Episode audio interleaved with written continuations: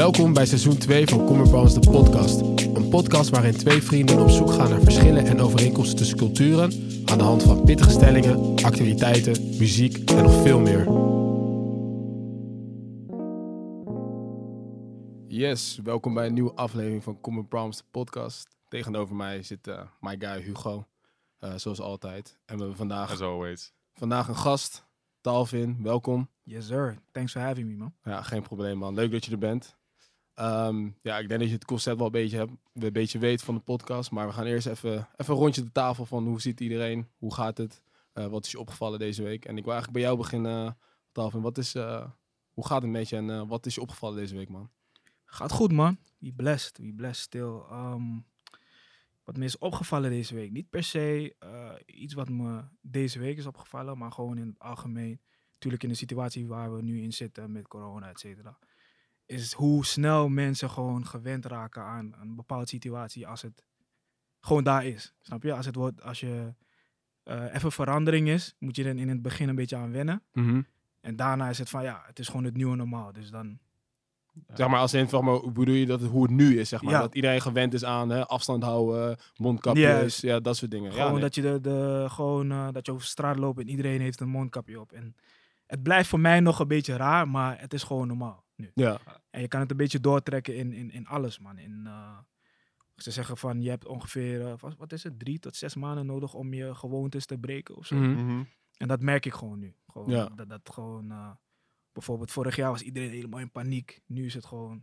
Zo, ik ben daar ook wel geweest met de paniek. Ik weet niet of jullie het hadden. Ik heb zeker nachten gehad dat ik dacht, shit, ik heb nu corona, man. Ja? Shit, ik, voel, ja, ik heb dat wel echt gehad, man. Ah, Echt twee die twee keer of is zo. Dat ik echt dacht van, geweest. eh, van de stra- maar ik heb het heel erg omdat ook, weet je, ik, ik heb heel erg de hele coronaperiode dacht ik altijd van, ja, ik heb mijn moeder niet geknuffeld en zo. Omdat ik dacht van, joh, Ja. het, is, het is letterlijk het enige echt, weet je wel, fa- familie zo dichtbij. Dat ik dacht van, ik wil niet op mijn geweten hebben dat zij het door mij pakt of zo. Gelukkig is ze nu gevaccineerd, zo we Mhm. good. Maar ik, eh, ik heb altijd momentjes gehad, man. Dus, Ja, eh, maar ik, ik voel je wel, man. Ik had laatst ook, eh, wilde ik iemand een hand geven. Tenminste, een hand geven. We kwamen naar elkaar toe en ik had die persoon al een tijdje niet gezien. Het was echt de meest awkward handshake ooit. Het was zeg maar elleboog, box, hand, nee, niet. En het ging zeg maar de hele tijd langs Ja. elkaar heen. Terwijl, ja, dat is wat je zegt, weet je. Je bent dat zo gewend om het niet meer te doen. Dus toen we dit opeens weer gingen doen, was het echt heel ongemakkelijk ook. Van, wat moet ik nou precies doen? dus het is helemaal, inderdaad, je, je, je bent helemaal gewend aan een nieuwe situatie. En dat, eh, dat, dat heb je heel snel. En je kan het inderdaad ook veel breder trekken dan alleen corona. Het is gewoon als een bepaalde situatie gewoon ongoing is. Op een gegeven moment zit je van, nou ja, dat, ja, zo was het ook. En het is ook bijna moeilijk voor te stellen hoe het daarvoor was. Ja, man. Exactly, man. Ik, denk, ik ben ook echt heel benieuwd inderdaad als ze zeggen als alles eh, open vissa en dat soort dingen, hoe snel mensen dat nou wel of niet gaan doen. Of ik denk uiteindelijk dat er een groep zou zijn die switchen meteen en denken, hey, pull up, let's go. En een andere groep... er zullen ook een groep zijn die denkt van, huh, wacht, ik moet even weer even, even terugkomen in de motion of zo. Ik denk dat ik sowieso bij de laatste groep hoor van, hey, hoe, ga, hoe moet het ook alweer? snap Ja. je? En eh, ook gewoon, ik denk dat heel veel mensen socially awkward gaan zijn, man. Ja, ja, 100%. ik zeg één ding, ik vind het eigenlijk wel chill dat nu soort van, eh, dat je niet meer naar een verjaardag komt dat je denkt, oké, moet ik nu één kus, drie zoenen, een box, een, een box met een handshake, box met schouder. Nu is het Ja. gewoon allemaal die vuist naar voren en het is gewoon tik, tik, tik, tik, tik, klaar. Van een classic zwaai. Van Ja. doei, I'm out. Ja, ik ga dit er echt inhouden, man. Echt, sowieso. Ik ga echt niet meer die van nog die sidestep, een soort van die tango dat je niet weet wat je moet Ja. doen, zeg maar. Ja, man. Dus eh, nee, ik hoor je, man. Goeie, nice, man. Goeie dat je hebt meegenomen. Hugo, wat is jou opgevallen deze week? Ik, eh, wat mij was opgevallen deze week was, eh, eh, we- nou, we hebben het er wel eens over gehad, over geluksmomenten en dat, re- de realisatie daarvan. En ik had er, ik had er afgelopen week eentje en dat ik echt dacht, nou, die ga, ik weet zeker dat ik nooit meer ga vergeten, zeg maar. Ik lag, eh, ik was bij het marineterrein, um, vlakbij Centraal Station. En eh, ah, het was gewoon echt lekker weer. En ik had eh, gewoon gezwommen, pizzaatje gedronken. Pizza Oh, gedronken. sorry, pizzaatje gegeten. ja, het was een heel, hele rare pizza. Ja. Nee, eh, pizzaatje gegeten, bierie gedronken. Ik had lekker, lekker muziekje op. Echt een heel lekker nummer wat ik net ontdekt. En ik lag gewoon echt een beetje naar de, naar de lucht te kijken. En eh, het was gewoon eh, sowieso een hele gezellige middag. En ik lag echt van, uit. Dit is echt gewoon leven.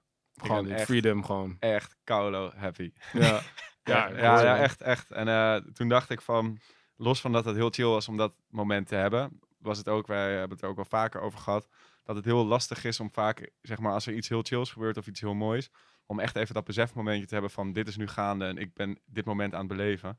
En om het echt vast te houden. En ik merkte toen echt dat ik echt naar de sky keek en dacht van dit ga ik nooit meer vergeten. Dit is een perfect moment. Zeg maar. ik, zou, ik had het niet anders willen aanpakken. Ja, nice man. En, Ja, ik eh, hoor je man. Ja. En, eh, blij dat we nu langzaam toch, eh, ja, dat, we hebben daar, ik heb daar nog steeds veel moeite mee, maar dat wel die besefmomentjes wel steeds vaker naar voren komen. Zodat je net wat meer, dat het net steeds beter lukt om in het moment te leven. Ja, nice. Ja, dat, zijn- dat zijn wel eh, mooie dingen man. Ja. Vooral om daarbij stil te staan vooral. Ja, ja, Dus, precies. dat, zoals je al zegt, we hebben het vaak over gehad. Je, het zijn- het is- geluksmomenten zijn dingen waar je echt wel snel overheen kan gaan, weet je wel. En dat dan vergeet. Maar Zeker. juist als je daarbij stilstaat en dat die bewust tegen jezelf zegt, dit ga ik niet vergeten. Dan durf ik wel te wedden als ik jou over een jaar vraag, wat deed je ook weer bij de marineterrein? Dat je denkt van nou, Ja, ja, het is gewoon echt gewoon, ik heb gewoon echt een foto gemaakt van het moment en in mijn archiefkastje in mijn hoofd gestopt. Toen je die pizza aan het drinken was en zo. ja, En, ja, eh, ja, nice. ja, een beetje sloppy was het allemaal. Ja, en eh, ja, dat was, dat was me opgevallen. En toen dacht ik van, zeker omdat wij het erover hebben gehad, het is goed om dat even te melden, dat het toch nog steeds gaande is, die ontwikkeling. Nice man. Nice, bij man. jou? Ja, ik heb ook wel een beetje zo'n moment. eh, ik, ehm, wat mij is opgevallen, of nou, ik heb eigenlijk ook wel een, een goed moment gehad. En dat was je eigenlijk ook bij Talvin. eh maar met een klein groepje mensen waren, gingen we even voetballen sinds tijden, man. En ik voel me echt letterlijk weer als een kind zo blij, man, van binnen. Zeg maar, ik weet niet of Talvin, of je dat, of je dat, dat ook had. Maar ik, eh, ja, Ja, ik vond het gewoon mooi om gewoon weer eh, gewoon bij elkaar met mensen te zijn. En eh, ik was eh, wel super out of shape. dat waren we allemaal. Ja, ja, ja.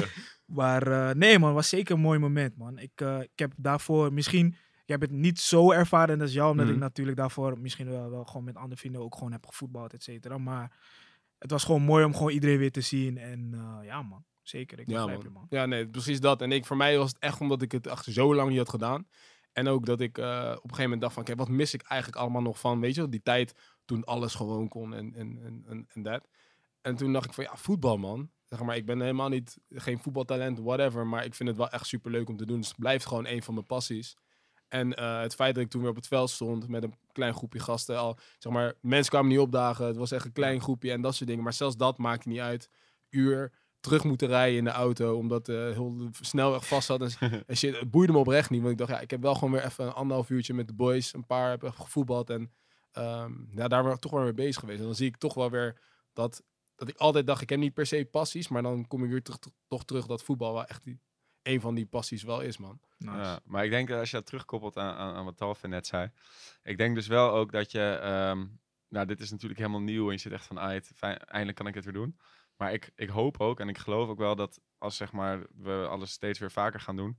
Dat we ook alweer heel snel in het nieuwe normaal zitten, namelijk het oude normaal. Ja, En, en dat je al denkt van, ja, al dat gedoe met die, ja, misschien mondkapjes wat minder, maar al dat gedoe met social distancing en het niet met vrienden zijn en zo, dat je dat een beetje voelt als een ver verleden. Ik heb Ja. er wel vertrouwen in en ik hoop, ik hoop het ook heel erg vooral, maar eh, eh, dat, dat, dat ook, dat voetballen, dat het nu echt is van blessing en dat je alweer heel snel zit van, uit, oké, dit is gewoon, ik doe dit met mijn boys op zondag en all, Precies. all good. Maar ik denk wel dat het gevaar daarbij is dat, dat je dan wel weer de, hè, de waardering, waar je het net ook over had, daar ga je dus wel heel snel overheen stappen. En wat ik wel hoop, is dat we beetje vasthouden. dat, we dat vasthouden, zeker. Dat het niet, eh, niet alles zomaar gegeven is, weet je. Dat je toch denkt van, ja, hé, kan weer wat gebeuren en ik ben het allemaal weer kwijt of zo. Ja, Maar ja, ik ben wel met je eens dat ik wel denk dat de merendeel, zodra alles weer het oude normaal is, dat alles weer zo net zo hard gaat als misschien harder dan daarvoor, denk ik. ja, Dat mensen toch eh, willen, dingen willen inhalen. Maar ehm, ja, we hebben dus nu een gast, Talvin, aan tafel. Ehm, hoe kan ik jou het beste omschrijven? Zeg maar artiest, creatief, rapper.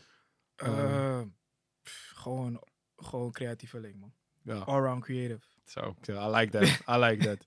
En eh, ja, om jou een beetje beter te leren kennen, want we gaan straks een beetje meer over hebben van jou, zeg maar, jouw je carrière, je muziekcarrière, je, je opgroeien, want je komt uit de Belmar, volgens Ja. mij. Ja, dus weet je, dat is wel een, een mooi contrast bijvoorbeeld voor mij persoonlijk. Ik bedoel, ik ben hè, juist in een witte omgeving opgegroeid. Jij bent steeds veel meer in de multiculturele Ja. eh, samenleving. Dat we een beetje daar een beetje kijken van hè, de touchpoints zijn of juist de verschillen.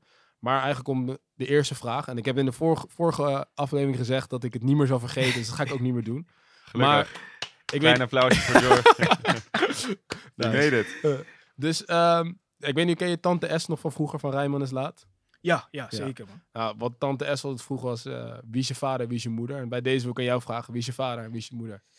Eh, wie is mijn vader, wie is mijn moeder? Eh, mijn moeder is eh, Regina, Regina Donker. Eh, komt uit Ghana. Mijn vader is Anthony Nkrumah, ook uit Ghana. Uit Kumasi, to be exact. Dat is een, de tweede groot, ja, soort van de tweede bekende stad in Ghana. Je hebt natuurlijk de hoofdstad Accra, die kende iedereen. En Kumasi is, als je echt helemaal terug naar het verleden wil gaan, daar is de Ashanti-rijk. Komt daar Mhm. vandaan. Ja. Dus ik ben ook van bloed, origine, ben ik ook gewoon Ashanti. Ja. ja. Dus eh, ja, dat is mijn moeder. Ehm, komt uit een ge- groot gezin. Beide, beide komen uit een groot gezin. Eh, mijn vader had volgens mij eh, acht broers en zussen. Mijn moeder ook rond die aantal. Want in die tijd was het normaal. Mijn opa's, die hadden dan meerdere vrouwen. En dat Ja. was gewoon normaal in die tijd. Goeie oude tijd. ik wist dat die zou komen. Ja, hadden gewoon meerdere vrouwen in die tijd. Dus eh, ik heb echt superveel familie over de hele wereld. Gewoon. Ik kan bijna overal eh, echt een random plek noemen. En ik heb wel een tante daar. zeg maar. ja. Ja. En ben je daar ook zeg maar close mee dat je ook die tante of oom of neef... Niet of per se, nee. Oh, niet per se. niet. Hm. Maar eh, in Europa wel. Maar daaromheen, dan moet ik wel echt van mijn moeder te horen krijgen van... Hé, je hebt een tante daar. ja, ja, ja. Snap je? Ja, ja, ja. Ja. Ik, ik, ik, ik herken dat wel. Ik herken dat wel, ja. Ik Precies. eh, herken dat niet. ik heb een tante in Emmen. Eh, eh, eh, daar houdt het ook weer op. Verschil moeten wezen. ja, zeker. Nice. Ja, maar dus eh, ja, dat is mijn moeder en mijn vader. Ehm, ze zijn toen, ehm, eigenlijk mijn vader was toen al naar Europa gekomen, echt eh, op een jong leeftijd al. En mijn moeder heeft hem hier leren kennen in, eh, in Nederland. En ik ben zelf in Parijs geboren, in Frankrijk. Oh, sick. En eh, ik, ben, ik heb daar gewoond tot ik drie was. Ja, drie, vier. Toen ben ik naar Nederland gekomen omdat mijn vader eh, veel meer familie hier had. En hij wou gewoon dat ik in Nederland opgroeide. En eh, ja, man. Dat, is, eh, dat zijn mijn ouders. Ja. Ja. En eh, als je dan, eh, eh, nou dat is ik denk een hele goede schets van je ouders en ook de, tocht die ze hebben afgelegd door, door de wereld en, en de rest van de familie ook. Wat, wat is een beetje, wat, zou de, wat zou je zeggen is de belangrijkste les die je hebt meegekregen vanuit huis waarvan je denkt van, ah, die vind ik echt heel tof of misschien juist een les waarvan je zit van, nou die ga ik zeker niet doorgeven aan, aan, mijn kinderen mocht je die willen. Ja, misschien een heel cliché, maar ik, ik heb heel, op heel jonge leeftijd van mijn ouders meegekregen dat je gewoon iedereen eh, hetzelfde moet behandelen, man. Dat is echt altijd, dat werd echt doorgedramd. Omdat zij ook gewoon van een bepaalde situatie komen. Eh, heel veel kinderen, je, niet iedereen kan naar school gaan. Bijvoorbeeld mijn moeder kon niet naar school gaan omdat ze dan bijvoorbeeld op een jong leeftijd dan op haar broers en zussen moest passen. En dan, dan, dan hun, hun hebben het leven heel anders gezien dan hoe ik het in Europa heb ervaren. Ik kon naar school gaan, ik had alle benefits, zeg maar. En, eh, en dat, ook dat ze dat hebben doorgedramd, dat je dat ook gewoon moet waarderen ook. Het feit dat je, eh, want wat je net ook zei, we, we, we- we s- verliezen snel sight over eh, de kleine dingen. Bijvoorbeeld gewoon naar de supermarkt kunnen gaan of naar, weet ik veel, kunnen douchen met warm water. Mhm. Eh, dat soort kleine dingen. En ja, maar gewoon alle, alle kleine dingen, alle kleine blessings gewoon waarderen. En dat hebben ze wel echt eh, erin gestampt, zeg maar. Ah. hoe, heb je een voorbeeld van hoe dat erin werd gestampt, zeg maar? Juist als je dan misschien eh, in hun ogen misschien respectloos was, of dat je dingen voor granted neemt, weet je, voor lief neemt, dat je dan ineens er wat van zeiden? Of Ja, bijvoorbeeld eh, toen ik, ik, ik, ik, ik had eh, best wel moeite met concentreren op school. Dus ik wou op een jong leeftijd al van, hey, waarom zit ik op school, snap je? Eh, ik zit in een klaslokaal en mijn moeder die kon nooit naar school gaan. Maar zij zei van, als ik in jouw positie zat, zou ik super blij zijn dat ik naar school kon gaan. Want ik moest op een jonge leeftijd andere dingen doen, snap je? En ehm, ja, dus dan bijvoorbeeld als ik dan een keer thuis kom van, ja, ik eh, ben klaar met school of ik heb geen zin in school. Dan was zij altijd van, hé, hey, was altijd van, hé, hey, weet je waar ik vandaan kom? Het was Ja. altijd dat. Van, weet je waar ik vandaan kom? Weet je wat ik moest doen? Het feit dat jij naar school kan gaan en dat je alle vrijheid hebt, eh, waardeer het. Waardeer het meer. En, eh, denk ik wel een les die de, die de meeste mensen kunnen gebruiken op die leeftijd in verband Ja. met school, man. ja. Maar het, is ik- ook, het komt natuurlijk ook heel anders aan, want zeg maar, jouw moeder heeft echt, geen, Tuurlijk, echt ja. niet naar school ge- Ja. gekund, zeg maar. Maar ja, als je dit dan hoort, dan denk je van, damn son, dat is wel... Ja, hoe, hoe, hoe reageer je dat als jo- jong kind? ja. Besefte je dat of dacht je van, Laat maar praten. ja, precies, wat heel veel kinderen hebben met ouders. Ik, ik denk dat ik het niet meteen altijd in het moment besefte, maar eh, naarmate je ouder wordt, dan hoor je gewoon je, je, je moeder zeg maar in je hoofd.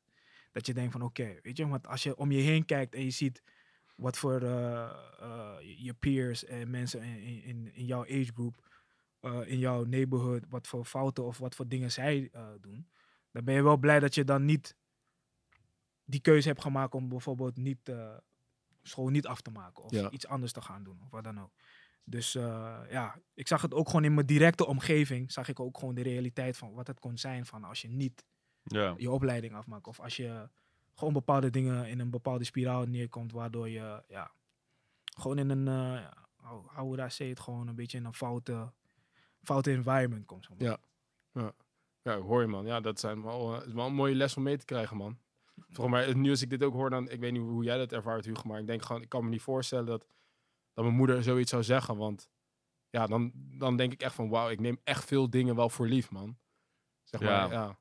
Ja, nou ja, bij mij is het natuurlijk een i- iets ander verhaal. Dus, Als Ja. in, eh, eh, met, op, in ieder geval met betrekking tot deze lessen. eh, eh, ja, dus ik bedoel, dat is vanuit mijn achtergrond was dat, zijn zij natuurlijk gewoon allemaal naar school gegaan, gestudeerd en, en, en noem maar op. Ehm, maar ja, zeker er wel de, de, de, op zich de blessing van wees blij met wat je hebt. Eh, en bij mij is dat misschien, hoe komt dat niet uit een andere hoek van bijvoorbeeld als ik, weet je wel, ehm, mijn broer die dan autisme heeft, weet je wel, dat is voor mij vanuit mijn ma die ook dan zei van ja, weet je, je kan ook gewoon daar echt veel struggles mee hebben. En dat is ook gewoon, weet je, we- wees blij met wat je hebt, wees blij dat alles werkt. Ja. Wees blij dat je gewoon een gezond leven hebt en dat alles goed gaat. Want eh, ja, er zijn mensen die gewoon zonder dat ze iets aan kunnen doen, eigenlijk ook met een, eh, een hele zware struggle lopen. En daar elke dag gewoon mee voor moeten vechten om er wat van te maken. Ja. Dus Ja. dat is een andere hoek, maar, Maar op de, les, de les wel redelijk hetzelfde. Ja, nee, zeker. Zeker. Nee, maar, ehm, zeg maar, ook, zeg maar, kan je wat ook meer over je jeugd vertellen? Want je komt uit de Belmer, Ja. eh, net over.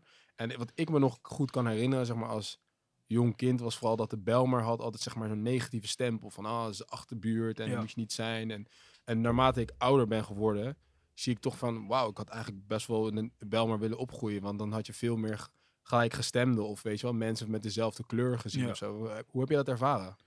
Ja, eh opgroeiende Belmer is een, eh, ja, gewoon een, eh, ik had gewoon een goede jeugd in de, in de zin van, eh, ik kon naar school, ik had, ik had eh, vri- genoeg vrienden, ik was altijd buiten aan het spelen. En het mooie van de Belmer is inderdaad, het is heel multicultureel, dus je leert heel veel eh, eh, andere etnische groepen leer je gewoon kennen. En ehm, daar had je ook gewoon mee te maken, bijvoorbeeld eh, de, dan heb je de blacks, dan heb je de Asians, dan heb je de whites. Het is gewoon allemaal gewoon daar. Ja. Dus je begrijpt ook bijvoorbeeld als je dan even uitstapt naar een, eh, een andere plek waar er bijvoorbeeld alleen één etnische groep voornamelijk aanwezig is, dan begrijp je ook gewoon hun beweegreden, omdat het ook, eh, je, hebt, ja, je had er daar in de Bijlmer ook gewoon mee te maken. Ja. Zij waren daar ook, snap je? Ja. Dus het is, het is een, ja, het is, het is ook gewoon een rollercoaster geweest in de zin van, er gebeuren natuurlijk wel dingen. Natuurlijk heeft het wel een, eh, inderdaad wat je zegt, die negatieve stempel die het heeft van de mensen die er eh, niet wonen, maar Ja. het alleen maar in de nieuws zien, snap je? Mhm. Maar als je zelf daar woont, dan kijk je er gewoon heel anders naar. In de zin van, ehm, tuurlijk, ik ga niet ontkennen dat die dingen niet gebeuren daar of zo. Maar ehm, het is niet zo dat. Ik had letterlijk, ik, ik ging bijvoorbeeld toen ik pas naar de middelbare school ging, eh, moest je, zaten we in een soort van een groep waar je jezelf moest voorstellen. En iedereen was zichzelf aan het voorstellen, waar kom je vandaan? En ik zei van ja, ik kom uit Amsterdam Zuidoost. En er was echt letterlijk iemand die gewoon zei van, yo, daar, volgens mij bij de metrostation word je al geschoten, toch? Bro, dus dat is de perceptie die mensen gewoon Ja. hebben van Ja. de Belmen. En dan denk ik van, zo, zo, zo wauw wauw west is het he- helemaal niet. Snap je? Nee, Kijk, als je daar woont, dan kijk je er gewoon anders naar. Maar mensen zien alleen maar nieuws. En dan zie je ook gewoon hoe eh, propaganda bijvoorbeeld werkt. Een En- negatieve beeldvorming die wordt gecreëerd. Maar als je daar woont, iedereen kan je zeggen dat het gewoon een leuke buurt is. Eh, er gebeurt veel. eh, het, is nam, het is gewoon waar je zelf mee associeert, snap je? In elke buurt, je kan misschien zelfs naar jullie eigen buurten gaan. En dat je daar ergens een, een, een, een stukje in de buurt hebt waar er zogenaamd, eh, hoe noem je dat? How would I say it? Eh, waar er foute dingen gebeuren. ja. Ja, ja, je ik je had hebt dat gewoon overal. Ja. Heb jij dat, Huug? Ik zie je een beetje kijken van, hmm, Oh, ja, ik- op mijn private island niet. Nee. Ik zal eerlijk zijn. Nee, dat, is, eh, dat kwam in mijn, mijn buurt heb je dat eigenlijk praktisch niet. Maar je hebt toch wel toch op zich wel En juist... ja, natuurlijk in Haarlem heb je wel eh, wat, wat buurten waar het sociaal-economisch in achtergesteld of waar Ja. wat meer criminaliteit is. Maar dat is niet per se de buurten waar ik eh, in mijn jeugd vaak kwam. Nee, maar Of, of, ik- of überhaupt kwam. Nee, Gewoon. maar wat ik als voorbeeld wilde geven eigenlijk, is dat je hebt soms, en dat heb ik ook wel gezien tijdens middelbare school, want dat is natuurlijk een van de weinige plekken, net als sporten en zo, dat eigenlijk van alle achtergronden bij elkaar komt Mm. en buurten. Moet ik wel En- inhaken. Dat is niet, eh, niet, niet, niet, waar ik, niet waar ik en niet waar ik op de middelbare school zat. Nou, wat ik in ieder geval wilde zeggen is dat, ja, ja, dat dat, is er- gewoon all white. dat er wel altijd, met, maar zeg maar ongeacht white of whatever, zeg maar dat er genoeg ook kids zijn die zeg maar wel alsnog een goede achtergrond hebben, weet je wel, dat ze alsnog de foute keuzes maken. ja, dat ja, wilde ik ja, eigenlijk zeggen ja, van, ja. heb jij dat, ik denk dat, dat jij dat misschien ook bedoelt van deels, hè, uiteindelijk gaat het om keuzes maken. Precies. En dan maakt het niet uit Mhm. of je rijk bent of dat je arm bent. Eh, ik heb genoeg rijke guys gezien, juist omdat ze rijk waren, dat ze, ja, weet je, fuck it, eh, weet je, mijn ouders fixen het toch wel weer voor me als ik eh, geen Ja, geld heb, weet die je heb ik ook wel gezien. Maar het vangnet is natuurlijk veel groter. Dus ik denk, als ik het zo hoor, zeg maar, de foute keuze die zij maken is, en dat weet ik veel, geen studie afronden of gewoon eigenlijk niks doen met hun leven. Maar ja, er zit een vangnet achter met, met geld en zorg en, eh, en, en een nou ja, sociale structuur die ervoor zorgt dat die mensen wel gewoon... Ja, kijk, voor, vergeleken de, de norm zijn zij afgegleden. Maar vergeleken de norm die jij bedoelt, van, van echt foute kringen en zo, is, is ja, ja, zij zitten gewoon op de bank niks te zijn, snap je? Ja, oké. Dat is nog wel een ander verschil dan in de criminaliteit belanden of, of echt je leven echt gewoon van de, van de rails hebben. Of, en dus dat is wel, denk ik, een verschilletje. Ja. Ja. Ja, Ja. ik hoor je. Wat Ja. ik, wat, wat, een vraag die ik graag zou willen stellen is, eh, jij zegt je bent echt opgegroeid in een multiculturele buurt. Eh, ja, van alles door elkaar, eh, wit, eh, Asian, eh, donker. En eh Joy, jij niet, weet je wel. Ja. Eh, jij bent opgegroeid in een voornamelijk witte omgeving. En ik weet dat jij natuurlijk, dat heb je ook in een eerdere podcast verteld, is dat je zegt van ja, ik heb wel altijd gewoon, ik ben altijd die ene guy geweest.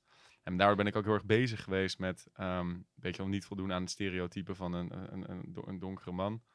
Ehm, eh, is dat heel anders voor jou geweest? Omdat je zeg maar dus niet die ja, singled out was en je eentje een beetje die pressure voelde van een hele andere omgeving om je heen? Ja, ik kan het zeker begrijpen. Want eh, ja, ik, ik ben gewoon in een, eh, eh, inderdaad in een omgeving opgegroeid waar er gewoon veel meer mensen van mijn kleur in mijn omgeving zijn. En dan, ehm, ik, ik merkte wel een beetje die switch toen ik naar, ehm, eh, toen ik naar de HES ging, dus HES HVA. Dat ik eh, sport, eh, in mijn opleiding sportmarketing, dat ik in de klas kwam en ik was dan zaten dan gewoon twee donkere jongens en de rest was allemaal wit. Toen merkte ik het verschil wel. Maar omdat ik al weet hoe ik daarmee moet omgaan door de multiculturele omgeving die ik al in de Belmer heb, was het niet meteen een super cultuurshock voor mij. Maar ik was, het was wel heel raar omdat het in de zin van. ehm, omdat ik dacht van oké, het is overal zo. Ja. Snap je? En dan kom je echt in een, op een plek waar het niet zo is. Dus dat was het, de eerste keren dat ik dat echt meemaakte. En dat was wel even wennen. Maar Hoe, hoe, hoe, hoe voelde dat? ehm, het was meer zo van. Ik, ik, ik, ik, zie, ik eh, breng het dan altijd terug van. Oké, maar hoezo is dat? Is dat omdat niet veel donkere jongens die opleiding tof vinden? Of is dat omdat eh, eh, wij niet zo hoog, hoog opgeleid zijn? Of wat dan ook. Dus dan, dat soort vragen krijg je dan.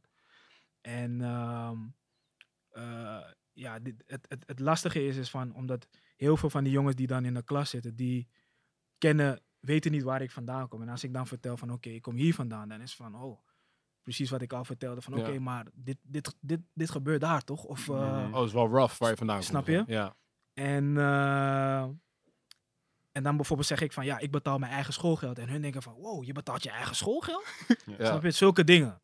En dan, eh, dus dat was meer eh, die shock. Maar naarmate je gewoon eh, daar bent, daar wint het gewoon. Ja, maar heb je echt het gevoel gehad dat jij eh, je moest gedragen, of moest gedragen is misschien niet het goede woord, maar dat je echt een beetje je moest conformeren aan de groep om je heen? Of had je toen al iets, zeker omdat het op latere leeftijd kwam, want bij Jor op die middelbare school ben je natuurlijk, zeker in het begin, iedereen is natuurlijk een onzekere puber en Ja. spiegelt zich heel erg aan de mensen om zich heen. Had jij dat toen later nog ook? Want ik weet, nou, Jor, als ik ja, ver- ver- Hmm. verbeter me als ik het mis heb. Jij had dat wel in, op de middelbare school, toch? Dat Ja, je- ik, ik, ik heb wel, zeg maar, gewoon basically mijn leven lang nog steeds compenseer ik, Ja. zeg maar, heel erg, weet je wel. Dus als ik in een omgeving kom met witte mensen die ik allemaal niet ken, dan ga ik heel erg overdreven netjes zijn, weet je wel. Ja. Zeg maar, meer dan dat nodig is. Gewoon puur en alleen van, yo, weet je, I'm not who you think. En ja, nu dat ik wel, ik ben nu beleefd dat dat wat iets minder wordt en meer mezelf wordt. Maar ik kan me inderdaad voorstellen en ook denk dat ook de reden is waarom Hugo het aan jou vraagt. Van, omdat je juist in die, ehm, eh, hoe zeg je dat, kwetsbare fase van je leven heb je daar nooit mee hoeven dealen. Dus je Ja. bent al veel zekerder wie je bent als je dan in zo'n situatie komt, zeg maar. Heb je dat, Ja. Is dat ook zo? Of toch heb je toch wel Ehm, dat je denkt van, Ja, kijk. eh, in de zin van, maar ja, het is, het is, het is heel, ook heel anders in de zin van bijvoorbeeld de whites waarmee ik opgroeide in de Belmer.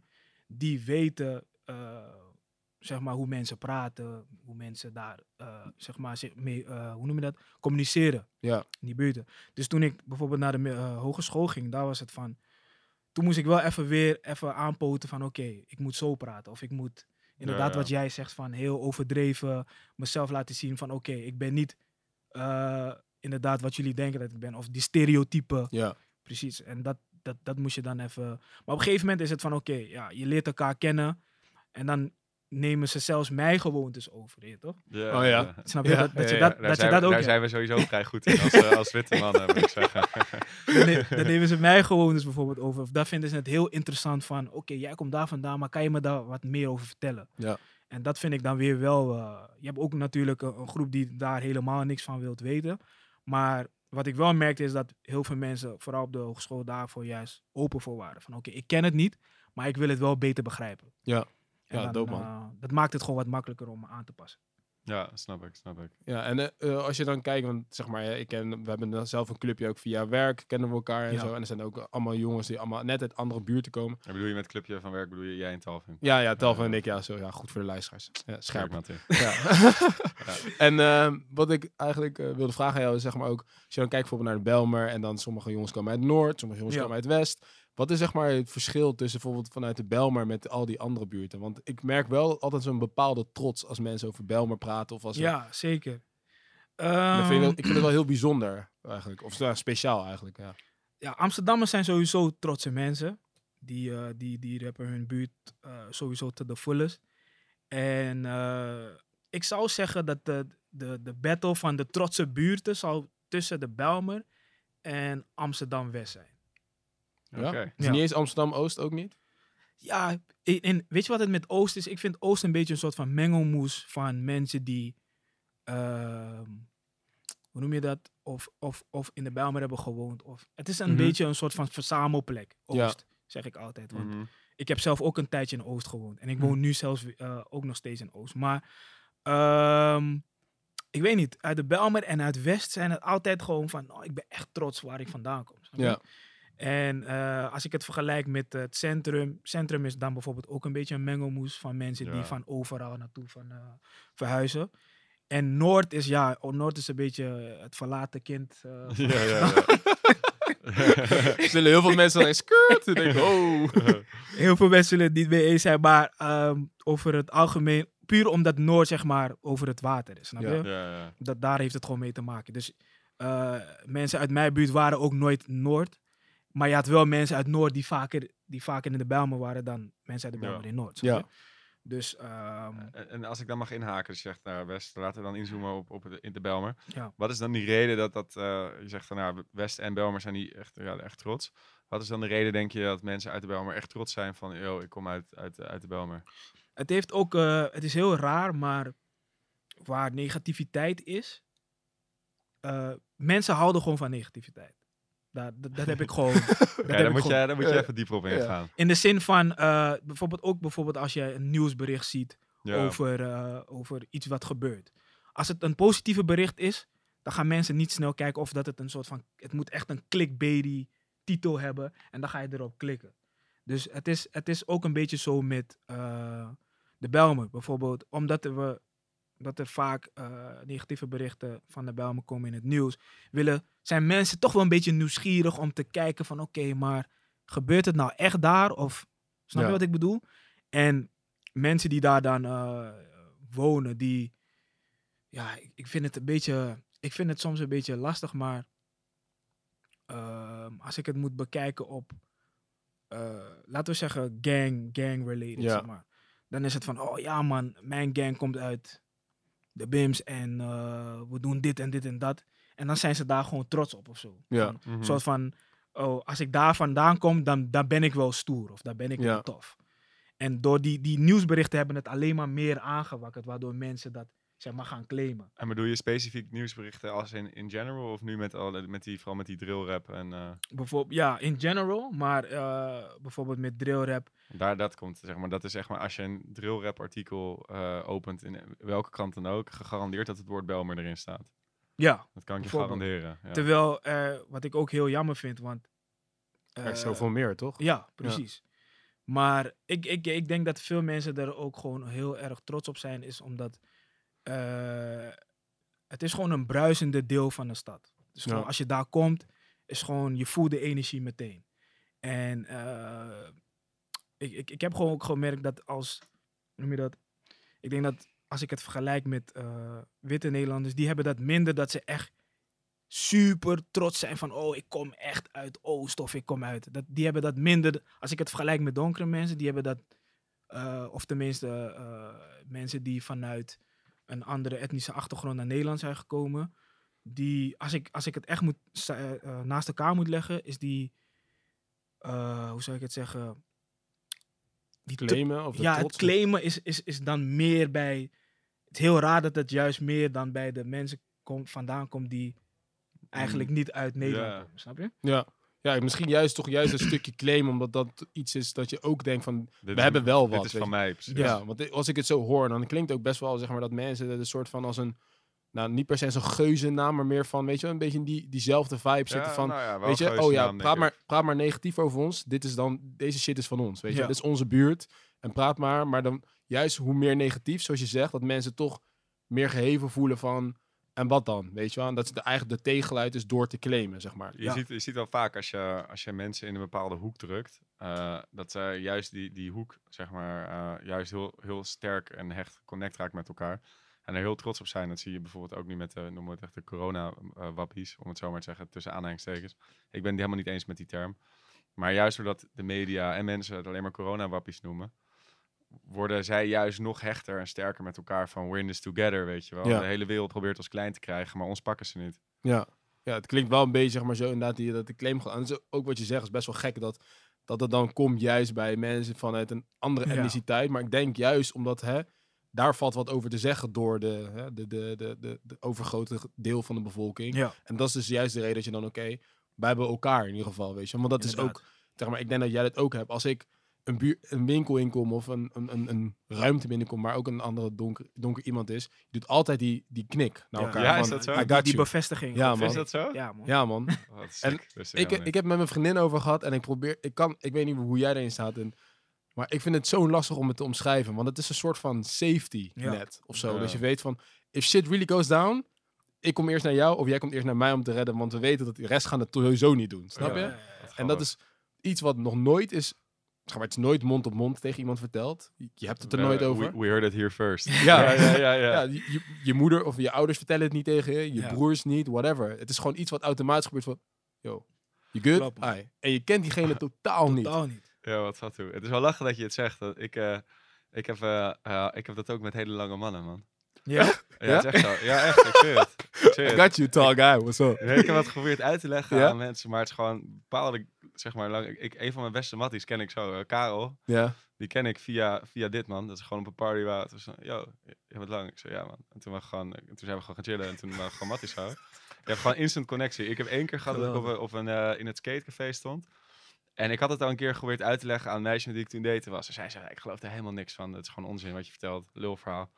En ehm, op een gegeven moment zie ik gewoon een guy. Het was gewoon inderdaad het knikje, weet je. En hij komt zo naar me toe. Ik zou een beetje met hem praten en eh, lachen. Ik zeg, ja, dit is, eh, dit is mijn chick. En eh, hij ook, ja, dit is mijn chickie. En zij zo, ja, hoe kennen jullie elkaar? Geen idee, weet je. en zij zo nog van, is dit een soort van joke? Word ik gefukt hier? En toen zei hij ook van, ja, wil jullie nog bierie, drank? Ik ga even naar de bar. En toen eh, even een biertje gedronken. Toen was hij ook weer loesoe. En ze zat van, het is echt zo. Ik zei, ja, het, is echt zo. ja. Dus ik kan me wel voorstellen dat je gewoon een beetje die connectie hebt met, met, Nice. ja, met iemand met wie je zeg maar eh, anders bent dan de rest van de crowd. Ja. Ja. En ik denk ook wel, natuurlijk, het is wel een, natuurlijk heeft een ver verleden, maar het is uiteindelijk die gelijkenis zoeken en daar dus dan mee connecten. En dat is toch wel die opening, weet je wel, om connectie te vinden met mensen. Dus ja, eigenlijk wel mooi dat je zo'n voorbeeld hebt, want Ja, daardoor zijn ja, ja. mensen die denken van, huh, doen zwarte mensen dit? Kunnen ze Ja. ook denken van, oh, oké, dus zo werkt het ook, zeg maar. Maar- een beetje waar je samen zeg maar anders bent dan de rest, dan kan je juist daarin verbondenheid voelen van uit oké. Ja, en hetzelfde En ook misschien met het jullie claimen. veel, veel beladener natuurlijk, maar eh, dan bij mij. Eh, het is niet dat lange mensen per se gefokt worden of zo. Maar ja, ik kan me, ik kan me eigenlijk nu ik er zo Ja. over nadenk, kan ik het wel go- goed wel iets voor voorstellen. Ja. ja, ik vind het wel grappig dat je, dat je deze... ja, ja, dat je ja, erin ja, brengt. dat is echt zo. Maar, ehm, zeg maar natuurlijk, je bent ook hè, allround creative, hebben we net gezegd. En je maakt ook muziek. Zeg maar. Wat is de reden dat je eigenlijk bent begonnen met muziek maken? Ehm, ja, ik eh, was altijd, toen ik jonger was, mijn moeder zei me altijd dat ik altijd aan de buis gekluisterd was en gewoon MTV aan het checken was. En eh, ik kom ook uit een hele muzikale familie. Ik heb eh, ooms in Ghana die best wel echt eh, wat hebben betekend voor de muziek daar. En ja, mijn- moeder en mijn vader draaiden gewoon altijd muziek thuis, voornamelijk Ghanese muziek.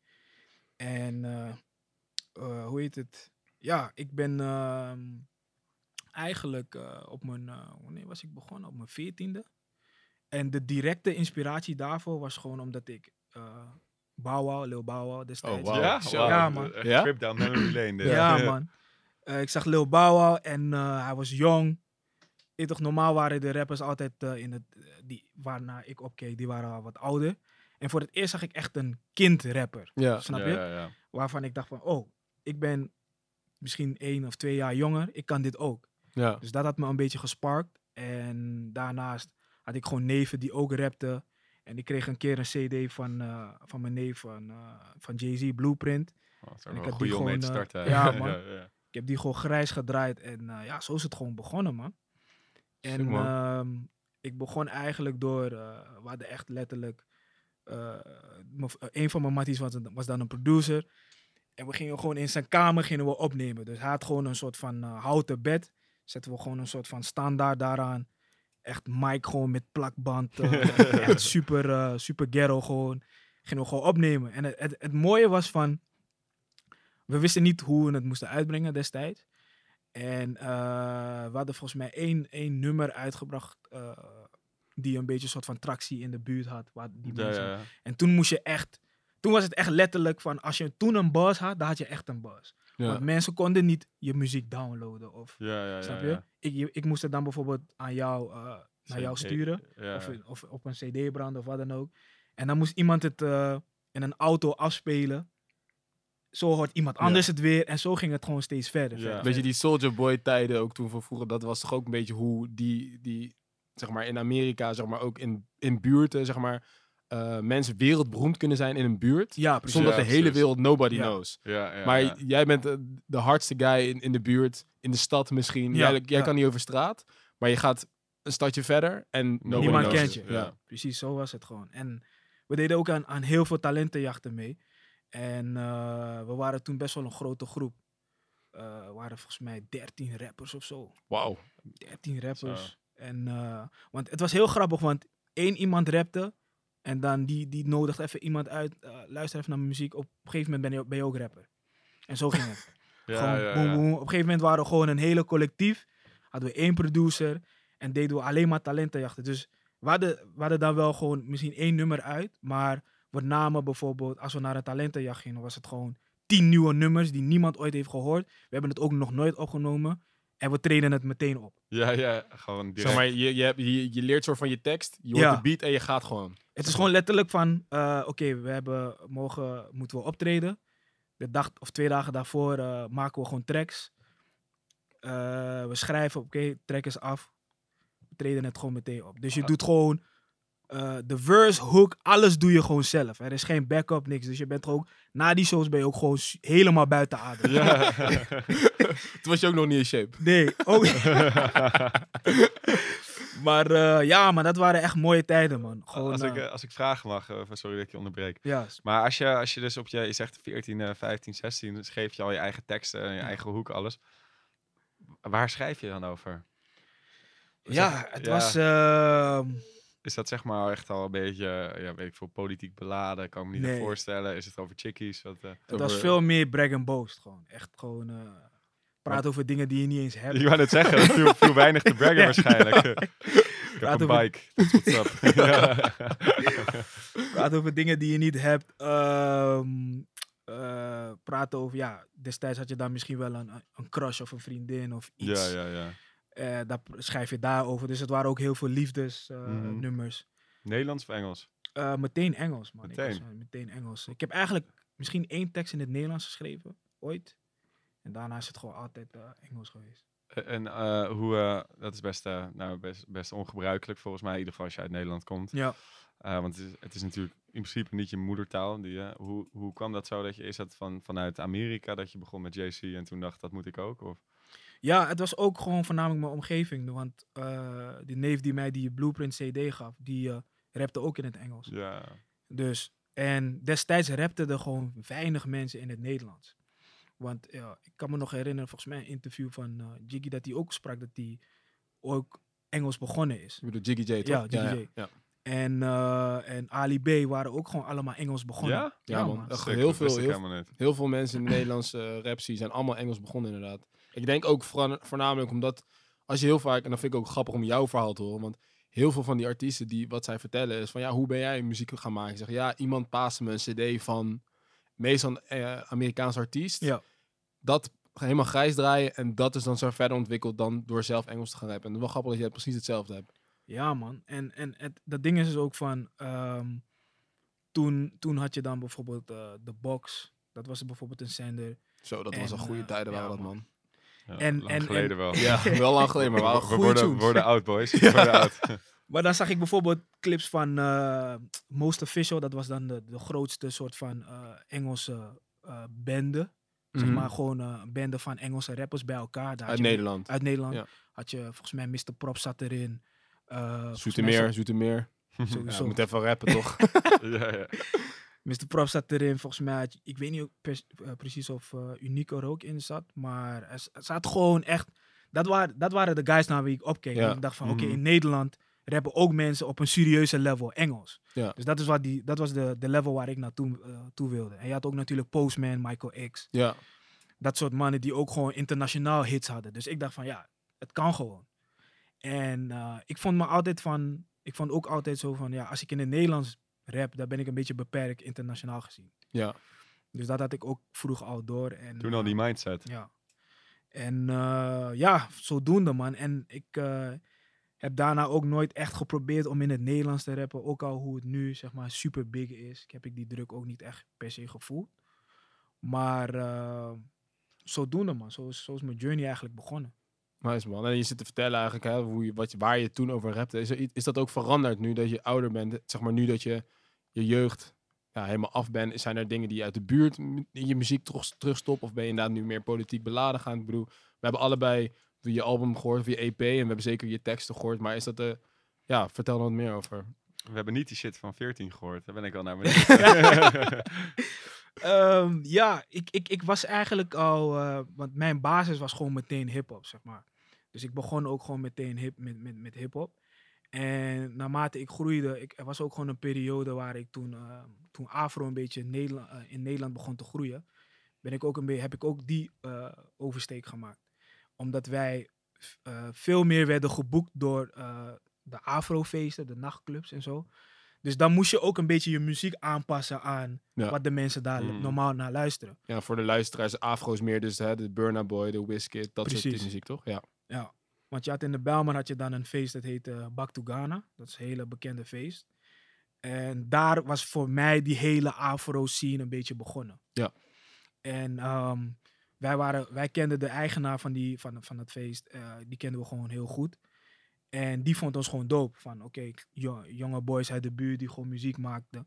Maar hij zei ook, tegen van, hij zei ook gewoon eerlijk tegen ons van... Hey, met de muziek die jullie maken, dat, dat is niet echt wat mijn crowd wilt horen. Dus ik Mhm. moest me destijds ook een beetje aanpassen aan wat ik wilde maken. Want anders had ik geen shows. Snap je? Ja. Dan was het gewoon... Moet je de hele tijd talentenjachten doen. Maar op een gegeven moment word je ook, word je ook moe daarvan. Je wil je Ja, ook gewoon eigen, Ja. eigen shows doen. Dus toen eh, zat ik heel lang in die afro. Ik heb een paar jaar daarin gezeten, afro dance. En op een gegeven moment dacht ik van ja, eh wel allemaal wel leuk en aardig, maar mijn basis is gewoon hip-hop. Snap je? Ik wil wel gewoon over iets kunnen praten. En in afro kan je, je kan wel over dingen praten, maar het is veel meer gebaseerd op liefde. Mhm. En ik wil niet gewoon eenzijdige topics hebben. Ja. En, ehm, maar het mooie wat ik daarover wou zeggen is van, ik heb die invloeden van die afro heb ik ook nu weer meegenomen in alles wat ik nu maak. Want ik, wil gewoon, ik probeer gewoon heel veelzijdig te zijn. Ja. Ja. Eh, ik, ik wil proberen, een, eh, als je bijvoorbeeld naar mijn muziek luistert, wil ik je een verhaal kunnen vertellen. Ik wil dat je kan dansen. Ik wil dat je, ehm, eh, ja, gewoon elke emotie die je kan voelen, wil ik dat je voelt. Ja. Het dat is ook wel zo, als je jouw muziek luistert, dat eh, eh, vind ik ook wel dat je een, een heel gevarieerd geluid hebt. Van echt, echt hip-hop tot gewoon meer zang, tot, Ja. tot inderdaad meer afro. Het komt eigenlijk allemaal naar voren. Dus dat, eh, ja, dat, dat luistert ook heel bijzonder weg. Dat geeft duidelijk aan dat er, eh, eh, je, inderdaad, je zegt ik ben een creatieveling. Er is niet, je, je richt je niet op één bepaald ding. Precies. En dat, dat wil ik gewoon echt. eh, dat is. En dat, daarbij he- hebben die verschillende fases hebben daar gewoon bij geholpen. Ja. Om eh, tot nu te komen waar ik nu ben. Waarbij ik gewoon een, een soort van eh, een blend heb. Eigenlijk, als ik het echt moet vergelijken. Waar ik eh, een artiest waar ik die het gewoon op dit moment heel al eigenlijk al tien jaar goed kan mixen, is Drake. Ja, ik denk dat iedereen dat wel zegt. Het is zeg maar, het is, al- er is altijd een, er is een crowd of een groep mensen die daar altijd zeg maar denken van ja, kan ik Drake als de goat noemen? Dan willen ze Ja. niet, omdat hij inderdaad juist zo gevarieerd is. Ja. Maar je hebt ook een andere crowd die juist zegt, omdat hij juist zo gevarieerd is en altijd hits pakt, Ja. is hij juist zeg maar zo goed Ja. wat hij doet. En ik vind, wat ik ook wel echt tof van hem vind, is dat aan het, op het ene moment, eh, eh, dan luister je een nummer en dan wil je het liefst huilend naakt in bed liggen.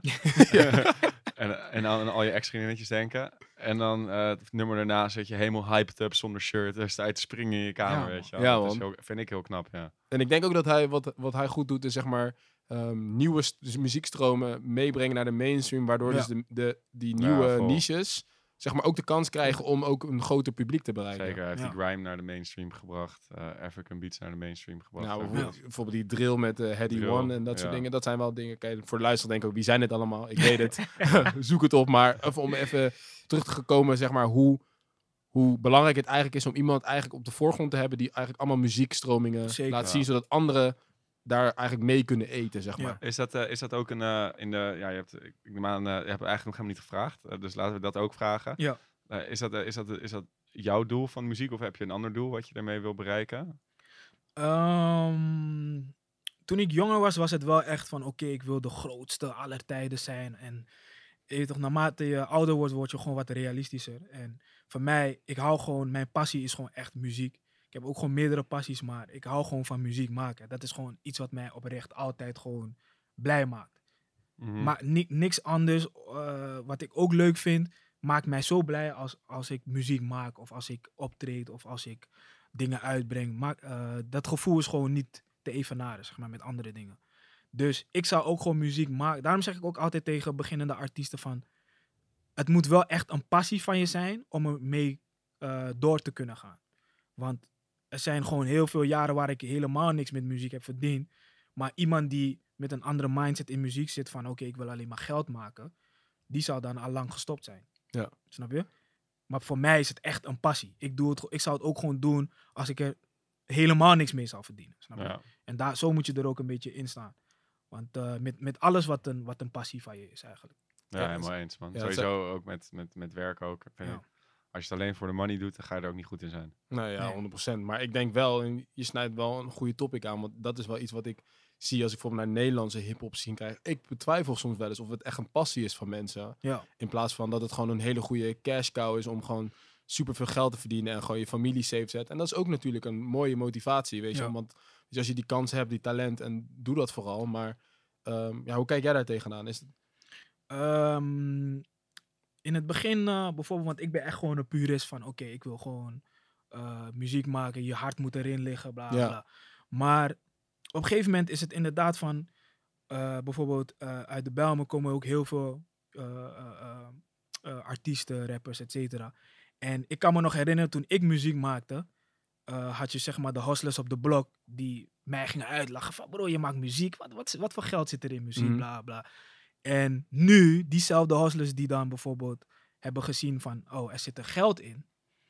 Die, Ja, maken, ja, die, nee, die, die zijn nu ook switch. gewoon, die maken ook gewoon die Ja, switch. Want die hebben bijvoorbeeld geen. Ja, ze hebben ook niet echt een andere keuze. Want ze hebben bijvoorbeeld vastgezeten. Die hele hustler life werkt niet echt meer voor hun. Maar ze kunnen toevallig ook rappen. En wat ik heb gemerkt, eh, voornamelijk met eh, straatrappers, quote-unquote straatrappers, is van. Zij hadden zeg maar al een reputatie voor rap. Mhm. ja. Dus het is voor hun makkelijker om in de game te komen, omdat ze al een reputatie hebben van de straat. Dus je hebt al een soort van fanbase op straat. Mensen kennen je van, de straat. buurt, Ja. buurt en- Ze weten, je hebt bepaalde dingen gedaan. Dus je verhaal is geloofwaardig als je het op tracks gaat vertellen. Ja. Ja. Dus zij hebben die bagage al. En wanneer ze eenmaal gaan rappen, zie je opeens van... Oh, deze straatrapper is opeens gebloot. En eh, die, eh, die is nu opeens eh, super, eh, super on top of super Ja. in een game. En je ziet het overal. In Amerika, in Engeland, in Nederland. Het, die, die reputatie helpt ze. Ja. Maar om terug te komen op jouw vraag is van hoe ik er naar kijk. In het begin dacht ik wel van ja, je hart zit er niet echt in. Dus waarom, je bent het gewoon puur voor het geld aan het doen.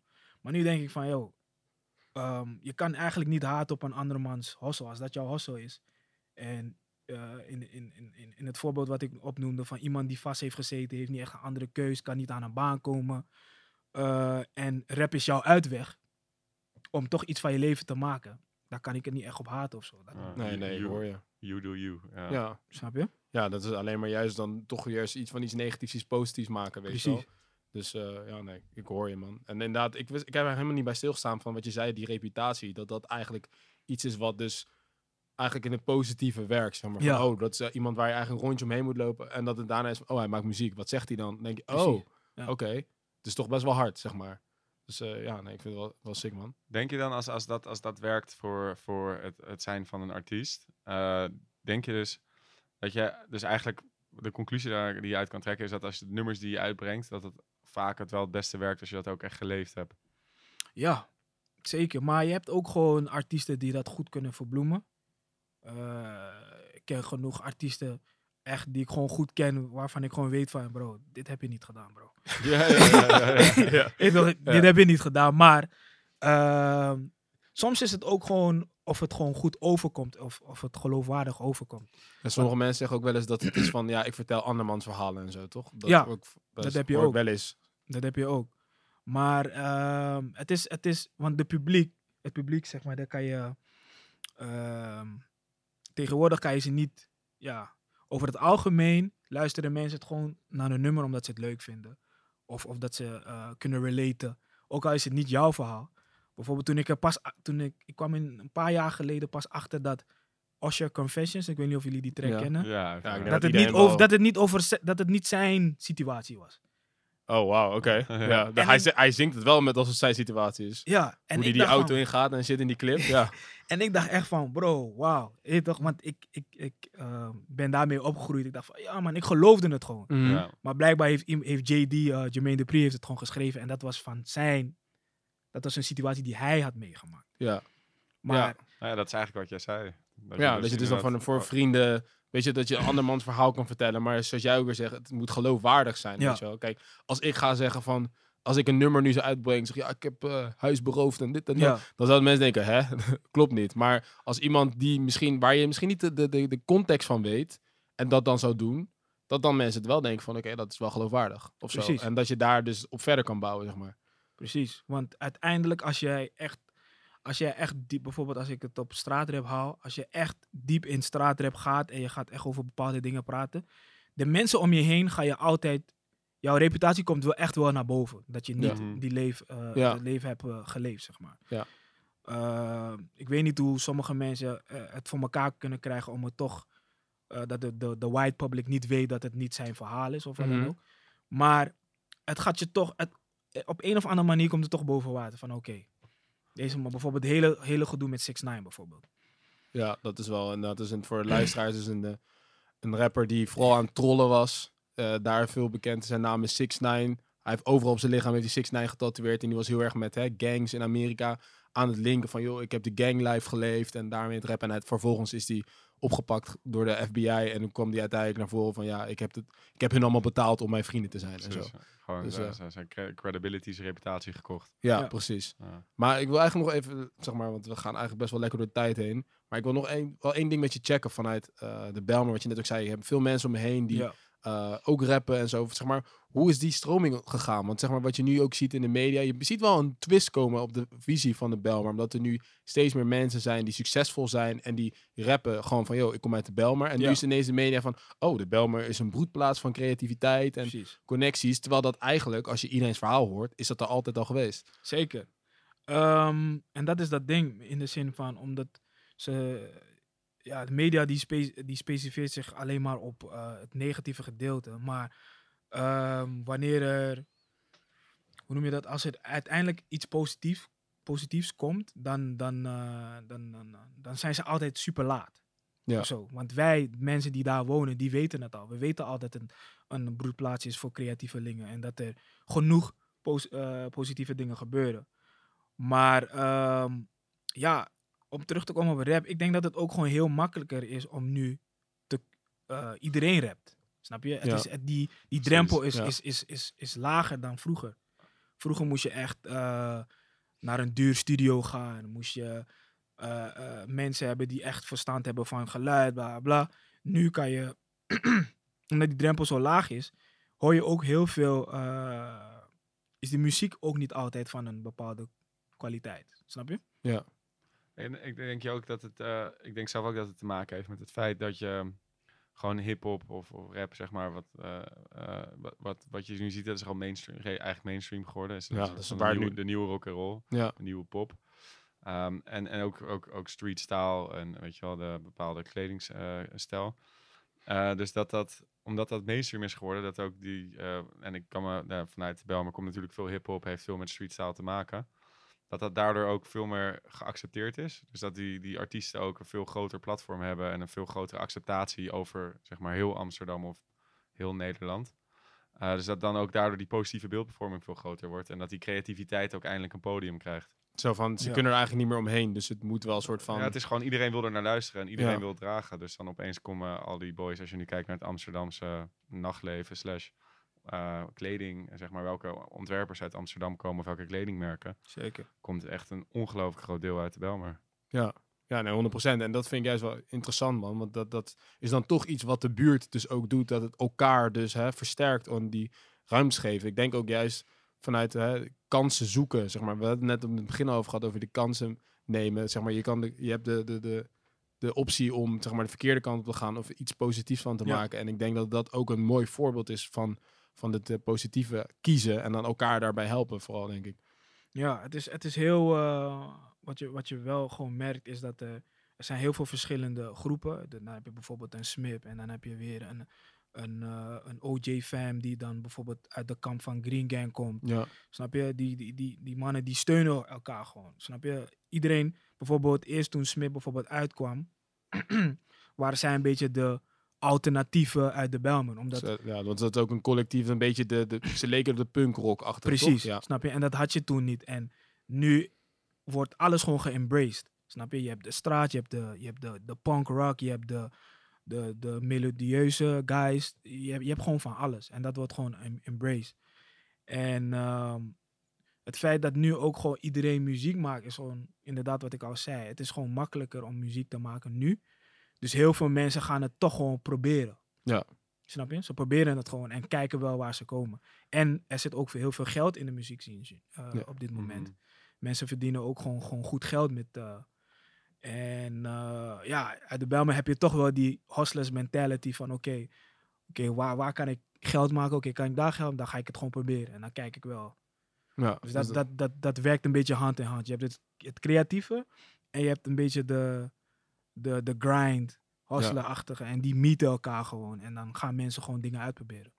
Is dat dan ook iets wel wat eh, typeert van de buurt? Dus dat de mensen wel inderdaad hè, die mentaliteit hebben van we moeten grinden, we moeten wat van maken en eh, we kijken de, ja. Ja, maar dat, dat eh, komt ook gewoon door ja, thuissituaties natuurlijk. Ja. Daar begint het natuurlijk. Gewoon eh, ehm, inderdaad eh, families die een, een laag inkomen hebben, bepaalde dingen niet kunnen doen. Heel veel jongens die dan zien dat hun, voed- eh, hun moeder of vader dan struggelen.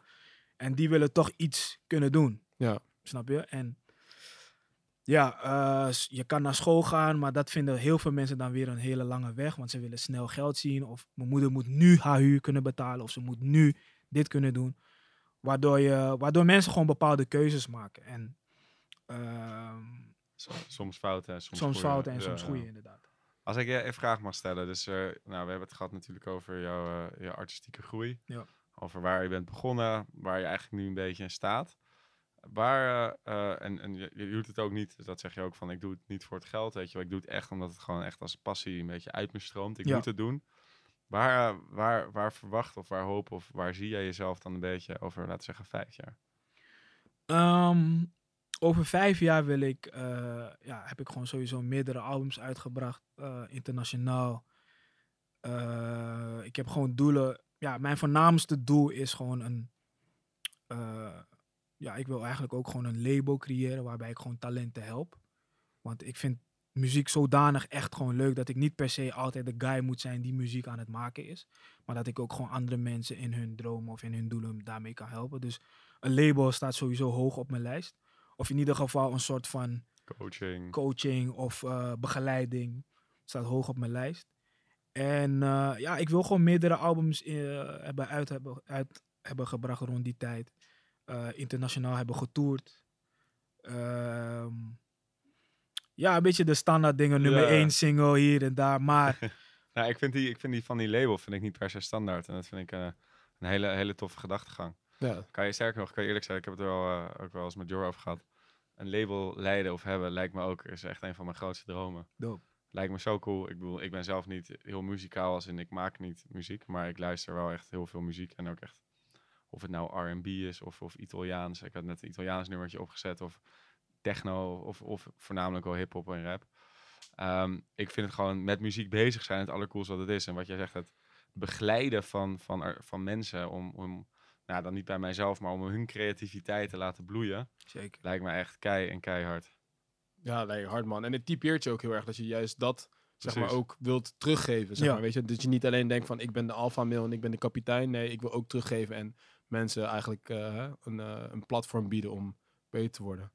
Ja, ik, eh, ja, ik, ik vind het, het spijt me eigenlijk zeer bijna, want ik, het is echt een, echt een hele, heel doop gesprek. Maar eh, ja, zit wel een beetje richting het einde.